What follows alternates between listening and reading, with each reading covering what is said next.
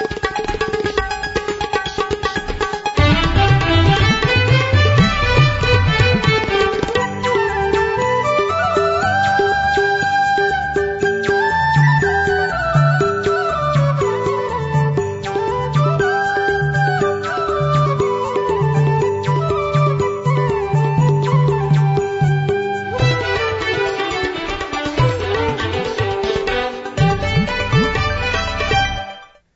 सीआईएनको साझा खबरबाट दीपक आचार्यको नमस्कार।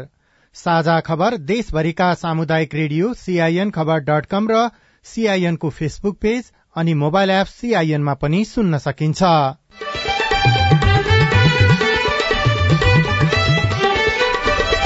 संसद र अदालतको विवाद चुलिँदै निलम्बित प्रधान न्यायाधीश जबराको निलम्बन कायमै रहने सर्वोच्च अदालतको ठहर निलम्बन निष्प्रभावी हुने पत्र लेख्नुको कारण माग।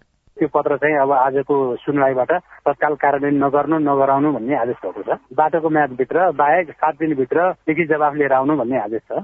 समानुपातिक तर्फका सांसदको टुङ्गो लगाउन दलहरू व्यस्त। निर्वाचनमा महिलालाई कम उम्मेद्वार बनाएर राजनैतिक दलले विभेद गरेको निर्वाचन आयोगको टिप्पणी।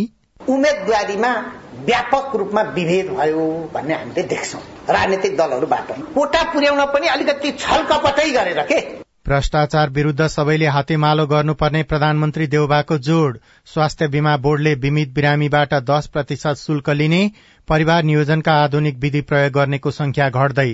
त्यो प्राकृतिक सुरक्षा भनेको चाहिँ जति साधनको चाहिँ प्रभावकारिता बढी हुन्छ नि यसको हुँदैन क्या तपाईँको चाहिँ प्राकृतिक विधिबाट जाने हो भने। दुःख हुने अवस्था हुँदैन। र विश्वकप फुटबलमा आज ब्राजिल र क्रोसिया तथा अर्जेन्टिना र नेदरल्याण्ड्स खेल्दै।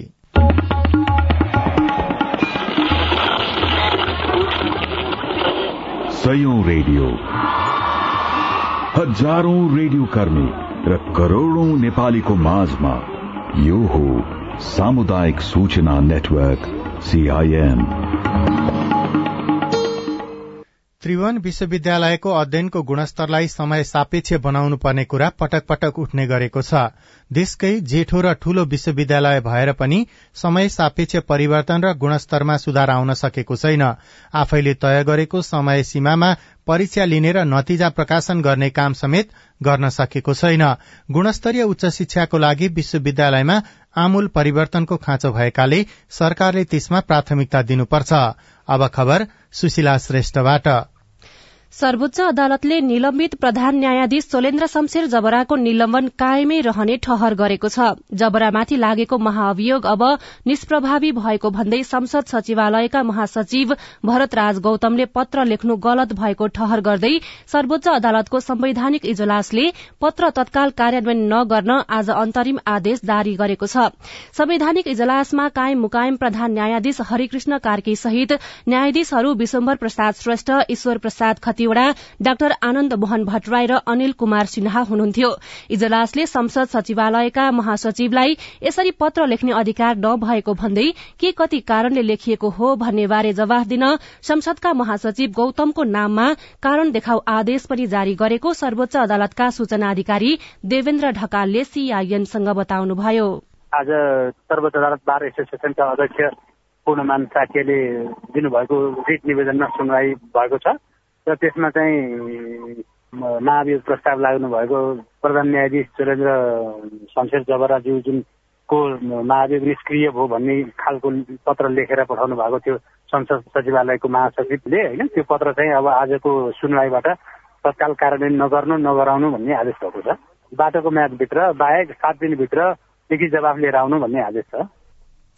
यो आदेशसँगै सर्वोच्च अदालत फर्किने जबराको अन्तिम प्रयास पनि असफल भएको छ। जबराले आउँदो मंगलबारबाट अवकाश पाउँदै हुनुहुन्छ। अवकाश पाउने समय नजिकै गएपछि जबराले महाअभियोग निष्प्रभावी भएको पत्र मार्फत सर्वोच्च फर्किने प्रयास गर्नु भएको थियो जसमा कानून व्यवसायीले साथ दिएनन् भने संवैधानिक इजलासले पनि पत्रलाई अवैधानिक ठहर गर्यो। यससँगै जबरामाथिको महाअभियोग तत्काललाई कायमै रहने भएको छ। गत असोजमा संसदको पाँच वर्षे कार्यकाल सकिएसँगै सर्वोच्च फर्किन खोज्दा जबरालाई बालुवाटारमा रहेको निवासमै प्रहरी परिचालन गरेर रोकिएको थियो। जबरामाथि गत फागुन एक गते महाअभियोग दर्ता गरिए पनि संसदमा थप प्रक्रिया अघि नबढ़ाउँदा यसको छिनोफानो हुन सकेन। संसदको कार्यकाल नै सकिदासम्म पनि टुंगो नलागेपछि नयाँ संसदमा महाअभियोग कायमै रहन्छ कि निष्क्रिय हुन्छ भन्ने बहस चलिरहेका बेला महासचिव गौतमले पत्र दिएपछि विवाद बढ़ेको थियो। पटक पटक गिजोलिएको प्रधान न्यायाधीशमाथिको महाअभियोग प्रकरणले नेपालको न्याय क्षेत्रमा नकारात्मक र दीर्घकालीन असर पार्ने संवैधानिक कानूनका जानकार प्राध्यापक डाक्टर विपिन अधिकारीले सीआईएनसँग बताउनुभयो। मैले हेर्दाखेरि सर्वोच्च अदालत मात्र होइन नेपालको न्यायालय राजनैतिक प्रतिरोधको जुन वातावरण छ त्यसबाट प्रभावित हुन सक्ने विभिन्न किसिमको आशंकाहरू गर्ने ठाउँ छ। सबैभन्दा पहिलो कुरो त के छ भने महाभियोगको शस्त्र प्रयोग गरेर कारवाही सुरु गर्ने र उचित केसमा पनि कारवाही नगर्ने त्यसमा ऱ्याङखाङ मिलाएर अगाडि बढ्ने अनि एउटा चित्त नबुझेका न्यायाधीशहरूलाई भने सोही रूपमा भविष्यमा महाभियोगको अस्त्र प्रयोग गरेर किनार लगाउने त्यो सम्भावना हुन्छ। त्यो संविधानमा जुन महाभियोगको प्रस्ताव ल्याइ राखिएको छ जुन व्यवस्था गरिएको छ प्रावधान त्यसको उद्देश्य त्यो होइन। यो त के हो भने साँच्चीकै संवैधानिक सङ्कट छ र प्रधान न्यायाधीशका कारणले गर्दा या महाभियोगका अन्य पदाधिकारीहरू छन् त्यसको कारणले गर्दा त्यो किसिमको खतरा छ भनेदेखि अनि त्यो अधिकारको प्रयोग गर्ने हो संसदले। त त्यो अधिकार प्रयोग गर्दाखेरि प्रतिनिधि सभाको चाहिँ मूल्य मान्यताहरूका आधारमा गर्नुपर्दछ? प्रमुख निर्वाचन आयुक्त दिनेश कुमार थपलियाले हालै सम्पन्न निर्वाचनको प्रत्यक्षतर्फ महिलालाई दश प्रतिशत भन्दा कम मात्र उम्मेद्वार बनाएर राजनीतिक दलले महिलामाथि राजनीतिक हिंसा गरेको बताउनु भएको छ। निर्वाचन आयोगले आज काठमाण्डुमा आयोजना गरेको निर्वाचन व्यवस्थापनमा लैंगिकता र समावेशिता विषयक समीक्षा एवं अन्तर्क्रिया कार्यक्रममा बोल्दै उहाँले यस्तो टिप्पणी गर्नुभएको हो। उम्मेदवारीमा व्यापक रूपमा विभेद भयो भन्ने हामीले देख्छौँ। राजनीतिक दलहरूबाट। कोटा पुर्याउन पनि अलिकति छलकपटै गरेर के? जसरी हुन्छ हेर्दाखेरि चाहिँ गरे जस्तो देखिने तर यथार्थमा उम्मेदवारीमा त्यो स्थिति सिर्जना नहुने अवस्थाले पनि यो महिला हिंसाको अवस्था सिर्जना गरेको छ। यसलाई त्यो दृष्टिकोणबाट हेर्न पर्छ भन्ने लाग्छ। एउटा लैङ्गिक हिंसा विरुद्धको अभियानमा आयोगको एकबद्धता छ। र निर्वाचन व्यवस्थापनका कुनै पनि क्रियाकलापमा लैङ्गिक हिंसामा आयोगको जिरो टलरेन्स शून्य सहनशीलताको नीति छ। यसलाई प्रभावकारी बनाउनको निम्ति हाम्रो र हाम्रा सरोकारवालाको ककसको भूमिका के के हुनुपर्छ भन्ने कुरालाई स्थापित गर्नको निम्ति सहयोग गरिदिनुहोस्। प्रमुख निर्वाचन आयुक्त थपलियाले राजनीतिमा महिलाहरूमाथि हिंसा हुन नदिन सम्बन्धित सबै पक्ष र राजनीतिक दललाई सचेत रहन पनि आग्रह गर्नुभयो। निर्वाचन आयोगले भोलिसम्म समानुपातिक तर्फबाट सांसद बन्ने उम्मेद्वारको नामावली पठाउन पत्र पठाएसँगै दलहरू समानुपातिक तर्फको सांसदको चयन गर्न लागि परेका छन्। तर अझै पनि बन्द सूचीमा रहेका मध्ये कसलाई छान्ने भन्ने टुंगो लागेको छैन। समानुपातिक निर्वाचनतर्फ पहिलो दल बनेको नेकपा एमाले पनि सांसदको नाम टुंग्याउन छलफल अघि बढ़ाए पनि आज बोलाइएको एमाले सचिवालय बैठक स्थगित भएको छ। बैठकमा प्रतिनिधि सभा र प्रदेश सभाका समानुपातिक सांसदको नाम टुंगो लगाउने र निर्वाचनको समीक्षा हुने एजेण्डा तय भएको थियो। यस्तै नेपाली कांग्रेस र माओवादी केन्द्रले पनि समानुपातिक तर्फ सांसद बन्नेको नाम चयन गर्न छलफलका लागि भोलि केन्द्रीय कार्य समितिको बैठक बोलाएका छन्। राष्ट्रिय स्वतन्त्र पार्टीले पनि समानुपातिक सांसदको नाम भोलि छनौट गर्ने बताएको छ।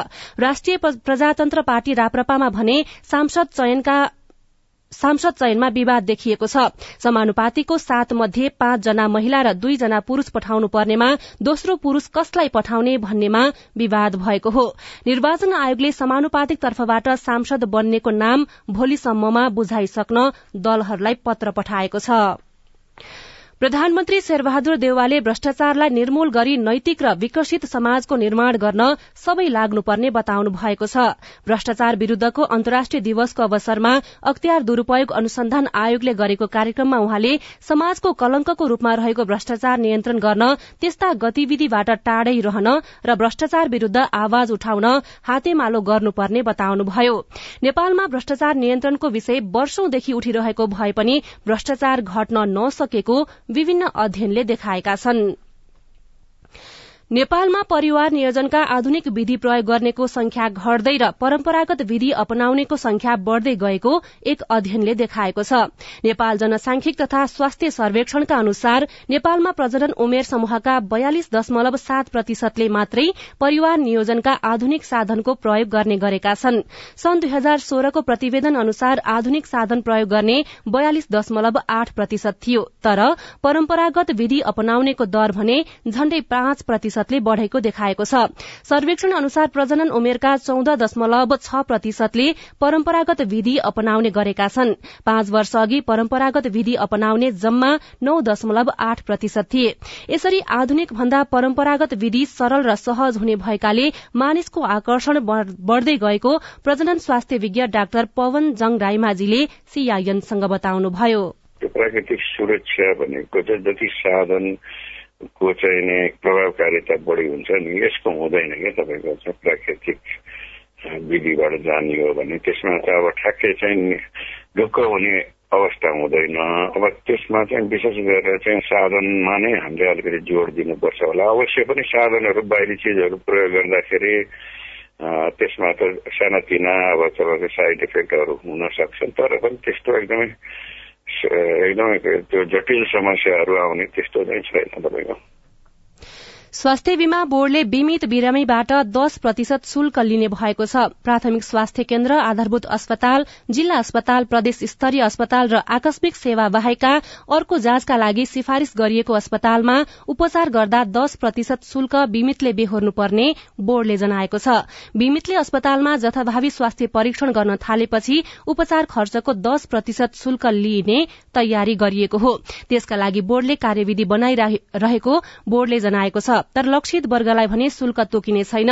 लक्षित वर्गमा अति गरीबी अति अशक्त अपाङ्गता कुष्ठरोगी एचआईभी संक्रमित जटिल खालका क्षयरोगी भएका परिवार र सत्तरी वर्ष उमेर पुगेका ज्येष्ठ नागरिकले भने थप दश प्रतिशत शुल्क तिर्नु पर्दैन। साझा खबरमा अब खेल खबर। कतारमा चलिरहेको विश्वकप फुटबलमा आजबाट क्वार्टर फाइनलका खेलहरू शुरू हुँदैछन्। बेलुका पाउने नौ बजे शुरू हुने पहिलो क्वार्टर फाइनलमा ब्राजिल र क्रोएसिया खेल्दैछन्। ब्राजिल र क्रोएसिया बीच अहिलेसम्म चार पटक खेल भएकोमा तीन खेलमा ब्राजिल विजयी भएको छ भने एक खेल बराबरीमा सकिएको छ। दोस्रो क्वार्टर फाइनलमा आज राति पाउने एक बजेपछि अर्जेन्टिना र नेदरल्याण्ड्स बीच प्रतिस्पर्धा हुँदैछ। यी दुई टीम बीच अहिलेसम्म नौ खेल भएकोमा नेदरल्याण्ड्सले चार चार खेल जितेको छ भने अर्जेन्टिना तीन खेलमा विजयी भएको छ। यी दुई खेलमा विजेता बीच सेमी फाइनलमा प्रतिस्पर्धा हुनेछ। सुशीला श्रेष्ठ।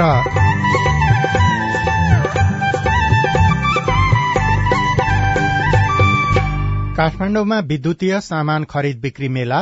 ऊर्जा खपत जो हाम्रै मुलुकमा उत्पादन हुन्छ यसले इन्धनलाई पनि रिप्लेस गर्छ। यसलाई यो खपतमा वृद्धि गराउनै पर्छ। कोविड पछि सुस्ताएको व्यवसायलाई सहयोग पुग्ने व्यवसायीको अपेक्षा रिपोर्टसँगै लैंगिक हिंसा पीड़ितलाई न्याय दिलाउन अधिकार कर्मीलाई पनि चुनौती। लगायतका सामग्री बाँकी नै छन्। सीआईएनको साझा खबर सुन्दै गर्नुहोला। सीआईएनको साझा खबर अब नेपाली पात्रोमा पनि। स्थानीय राष्ट्रिय तथा अन्तर्राष्ट्रिय समाचार नेपाली एफएम तथा अनलाइन रेडियोहरू एकै ठाउँमा सुन्न तिथि मिथि तथा पञ्चाङ्ग सम्बन्धी सबै जानकारी लिन।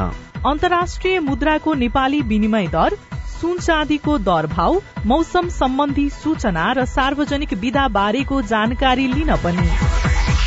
नेपाली पात्रो अब तपाईँको मोबाइलमा। नेपाल टेलिकमको सूचनाको संसार। होइन के सुनेको यस्तो ध्यान दिएर दोहोरो बोलेको जस्तो नि देख्दिन। तिन दुई एक शून्य शून्य क्या? तिन दुई एक शून्य शून्य? के हो त्यो भने? बुझिन त। ल सुन एनटिसी प्रयोगकर्ताहरूले आफ्नो मोबाइल तथा ल्यान्डलाइनमा तीन दुई एक शून्य शून्य डायल गरी समाचार रेडियो कार्यक्रम खेल र अन्य विषय बारे सन्देशहरू जुनसुकै बेला निशुल्क सुन्न सक्छन्। ओहो निशुल्क? कस्तो सजिलो। समाचार सुन्न छुट्यो भनेर पिर लागेको थियो। अब त म पनि सुनिहाल्छु। कति रे तीन दुई एक शून्य शून्य। सामाजिक रूपान्तरणका लागि यो हो सामुदायिक सूचना नेटवर्क सीआईएन तपाई सामुदायिक सूचना नेटवर्क सीआईएनले काठमाडौँमा तयार पारेको साझा खबर सुन्दै हुनुहुन्छ। अब बाँकी खबर। यो वर्षको हिउँदमा देशका अधिकांश स्थानमा सरदर भन्दा कम पानी पर्ने आंकलन गरिएको छ। प्रदेश एकको ताप्लेजुङ पाँचथर तेह्रथुम इलाम झापा मोरङ सुनसरी लगायतका पूर्वी तथा तराईका जिल्लाहरू मध्य प्रदेशको पर्सा बारा रौतहट लगायतका पश्चिमी भूभागहरू बागमती प्रदेशको काभ्रेपलाञ्चो काठमाडौँ ललितपुर भक्तपुर नुवाकोट मकवानपुर लगायतका जिल्लाहरू गण्डकी प्रदेशको कास्की स्याङ्जा पर्वत लगायतका मध्य तथा दक्षिणी जिल्लाहरू लुम्बिनी प्रदेशको अधिकांश जिल्लाहरू र सुदूरपश्चिम प्रदेशको दार्चुला बैतडी डणेलधुरा डोटी कञ्चनपुर र कैलाली जिल्लाहरूमा सरदर भन्दा कम वर्षा हुने आंकलन गरिएको जल तथा मौसम विज्ञान विभागले जनाएको छ। विभाग अन्तर्गतको जलवायु विश्लेषण शाखाका प्रमुख डाक्टर इन्दिरा कणेलले सीआईएनसँग कुराकानी गर्दै पानी कम पर्ने भएकाले बाली नालीसँगै पानीको स्रोतमा पनि कमी आउने बताउनुभयो। यो चाहिँ बाली नालीलाई मात्र नभएर विभिन्न क्षेत्रगत असरहरू देखाउन सक्छ होइन? जस्तो पहिलो त बाली नाली कृषि क्षेत्रलाई असर गर्ने भयो त्यसै गरी खाने पानी जलस्रोतहरूलाई गर्ने भयो होइन? अनि त्यसले चाहिँ यो सुक्खाको अवस्था रहन्छ। त्यसरी सुक्खाको अवस्था रहँदाखेरि चाहिँ वन डढेलो लगायतका घटनाहरू घट्न पनि सक्छ। काठमाडौँको भ्रिकुटी मण्डपमा विद्युतीय सामानको मेला शुरू भएको छ। आउँदो आइतबारबाट आइतबारसम्म चल्ने मेलामा पचहत्तरवटा पेभिलियन र स्टल राखिएका छन् जहाँ नेपाली र विदेशी कम्पनीले उत्पादन गरेका विद्युतीय सामान बारेमा जानकारी पाउनुका साथै खरिद र अर्डर पनि गर्न सकिन्छ। तपाईँले यताबाट जोडेर यताबाट पानी निकालिनु भयो यताबाट जोडेर यताबाट पानी निकालिनु भयो। तपाईँलाई राख्न जसरी सजिलो हुन्छ त्यसरी राख्ने अनि त्यताबाट पानी आउँछ। कति मिनटमा आउँछ थरी थरीका प्रदर्शनी र मेला भइरहने काठमाडौँको भिकुटी मण्डपमा अहिले विद्युतीय सामग्रीको प्रदर्शनी भइरहेको छ जहाँ बिजुली बत्तीदेखि पंखा सीसीटीभी हिटर पानी तताउने गिजर लगायतका घर र कार्यालयमा प्रयोग हुने विद्युतीय उपकरण राखिएका छन् उपभोक्ताले मेला अवधिमा बजारमा आएका विभिन्न कम्पनीका नयाँ नयाँ विद्युतीय सामान हेर्न बुझ्न र किन्न पाइरहेका छन्। मेलामा पुगेका हजारौं मध्येको एक हुनुहुन्छ पोखराका रोशनी देवकोटा। मलाई चाहिँ त्यो सोलर चाहिरहेको थियो होइन। अब विन्टर लाग्यो नि त विन्टरको लागि चाहिँ सोलर चाहिने अनि त्यसको लागि चाहिँ मैले टु थाउजन्ड लिटर समथिङ त्यसको लागि चाहिँ राम्रो डिस्काउन्ट रहेछ कि? फोर्टी फोर फोर्टी फाइभ थाउजन्डमा हुन्छ अरे। एउटा सानो फ्यामिलीलाई। त्यो चाहिँ चित्त बुझेको छ सनसाइनको मेलामा नेपालसँगै भारत चीन Japan Singapore Taiwan France Spain लगायतका देशमा उत्पादन भएका नयाँ नयाँ प्रविधि र डिजाइनका विद्युतीय सामान राखिएको छ। मेलामा घरायसी प्रयोजनका लागि सामान किन्ने मात्र नभई व्यापार गर्नेहरू पनि पुगेका छन्।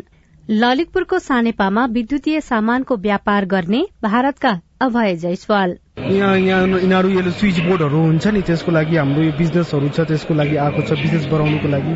कम्पनीदेखि टाइप गरेर आफ्नो सेल गर्नु त्यसको लागि। नेपालमा वर्षेनी एक खर्ब पचास अर्ब रूपियाँको विद्युत र विद्युतीय सामानको कारोबार हुने गरेको छ। जसमध्ये एक खर्ब तेह्र अर्ब रूपियाँको सामान विदेशबाट ल्याइन्छ। नेपालमै उत्पादन बढ़ाउनुका साथै बिजुलीको खपत बढ़ाउनका लागि मेला सहयोगी हुने नेपाल विद्युतीय व्यवसाय महासंघका अध्यक्ष सुदर्शन प्रसाद पौड्याल बताउनुहुन्छ। अब आगामी एक वर्षभित्र चाहिँ तीन हजार मेगावाटमा जाने भनेर विद्युत प्राधिकरणले पनि प्रक्षेपण गरेको छ। त्यो अवस्थामा हाम्रो बजार पनि वृद्धि भएर सवा दुई खर्बमा पुग्छ। र त्यसले बजार जति ठुलो हुन्छ हामी व्यवसायहरू आयात गर्ने भनेर भन्दा यहाँ चाहिँ उत्पादन गर्नेतर्फ लाग्छौँ र यो इन्डस्ट्रीहरू चाहिँ खुल्ने क्रममा जान्छ भनेर भन्ने हामीलाई लाग्छ। कोरोना महामारीले थला पारे यता विस्तारै तंग्रिन थालेका व्यवसायी यस्ता मेलाले व्यवसाय वृद्धिमा सहयोग पुग्ने आशामा छन्। अर्कोतिर बिजुलीको खपत बढ़ाउँदै पेट्रोलियममाथिको विदेशी निर्भरता घटाउन पनि विद्युतीय सामानको प्रयोग बढ़ाउँदै लैजान आवश्यक छ। सजना तिमल सिन्हा सीआईएन काठमाडौँ। तपाई सामुदायिक सूचना नेटवर्क सीआईएनले काठमाण्डुमा तयार पारेको साझा खबर सुन्दै हुनुहुन्छ। लैंगिक हिंसा पीड़ितको न्यायका लागि लड्नेहरूलाई नै चुनौती।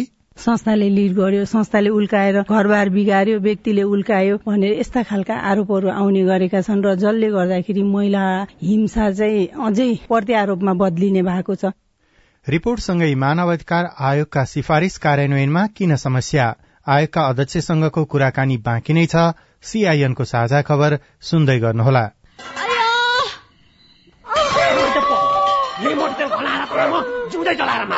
ए बुढा! बुढा! लौन नि माइलाले त मार्ने भयो त माइलीलाई। मटी त पो खनाउँदैछ त। लौन नि? झट्टै पुलिस बोलाइदिनु त। हो त पुलिसलाई खबर नगरी भएन। यसले त अति नै गर्न लाग्यो। एक शून्य शून्य। Hello police station? लौ तपाईँहरू झट्टै यो जिल्ला अस्पताल लिएर आइदिनु पर्यो। तपाईँहरू जस्तो असल छिमेकीलाई चाहिँ धेरै धन्यवाद है। हामीलाई बेलैमा खबर गरिदिनु भएर थप अप्रिय घटना हुन पाएन। यसरी अग्निजन्य हिंसा महिला हिंसा गर्नेलाई त कानून बमोजिम दण्ड सजाय हुन्छ। ल यसलाई लिएर हिँड्नुहोस् त। सावधान। पेट्रोल मट्टीतेल जस्ता ज्वलनशील पदार्थ लगायत तेजाब करेन्ट आदिले जलाई ज्यान मार्ने अङ्गभङ्ग गर्ने शारीरिक क्षति पुर्याउने जस्ता आपराधिक कार्य गर्नेलाई प्रचलित कानून अनुसार कडा भन्दा कडा सजाय तथा जरिवानादेखि जन्म कैदसम्म हुने व्यवस्था छ। त्यस्ता कार्य नगरौं नगराउ। अग्निजन्य हिंसा भएमा उजुरी गर्न प्रहरीको नम्बर एक शून्य शून्यमा र अन्य आवश्यक सहयोगको लागि बीबीएस नेपालको फोन नम्बर शून्य एक चौन्न पचपन्न छ आठ नौमा सम्पर्क गर्नुहोला। अग्निजन्य हिंसा विरूद्धको अभियानमा एक्सन एड नेपाल र बीभीएस नेपालद्वारा जनहितमा जारी सन्देश।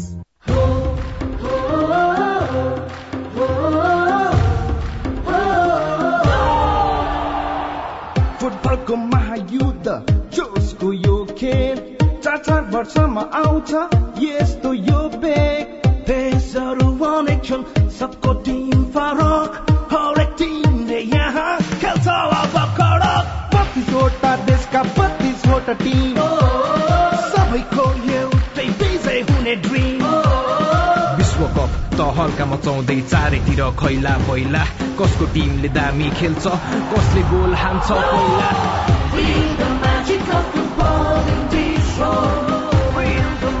विश्वकप फुटबलको म्याजिक हेर्नुहोस्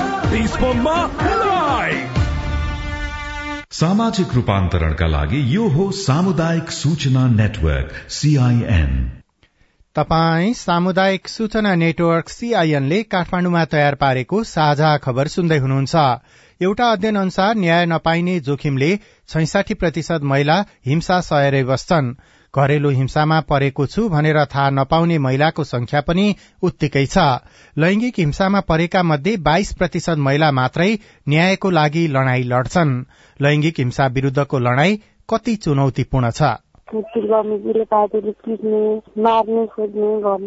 सधैँ जसो भइरहने हातपात विरूद्ध नबोलेकै कारण श्रीमानले एक दिन शरीरमै आगो लगाइदिए।